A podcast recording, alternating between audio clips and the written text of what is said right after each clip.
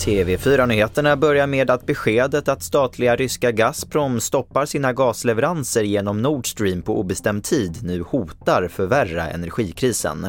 På kort sikt väntas de redan skyhöga elpriserna påverkas ytterligare och på längre sikt kommer europeisk industri och arbetsmarknad drabbas hårt.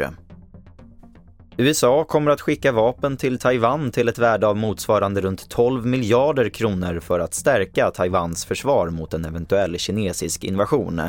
Det handlar bland annat om ett radarsystem som kan spåra inkommande missiler. Kina varnar för vad man kallar motåtgärder och säger att det amerikanska vapenstödet äventyrar relationerna mellan Washington och Peking.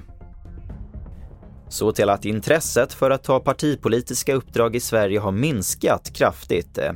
Enligt en sammanställning från SR var nästan en av tio vuxna medlem i något riksdagsparti 1991 och idag är den siffran en av 30.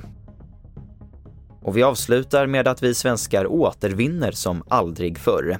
Förra året slog vi nytt rekord i mängden glas, metall och plast som lämnades tillbaka från våra hushåll och blev till nya produkter. Det visar nya siffror från förpackningsinsamlingen som TV4 har tagit del av. Och det får sätta punkt för TV4 Nyheterna i studion Albert Hjalmers.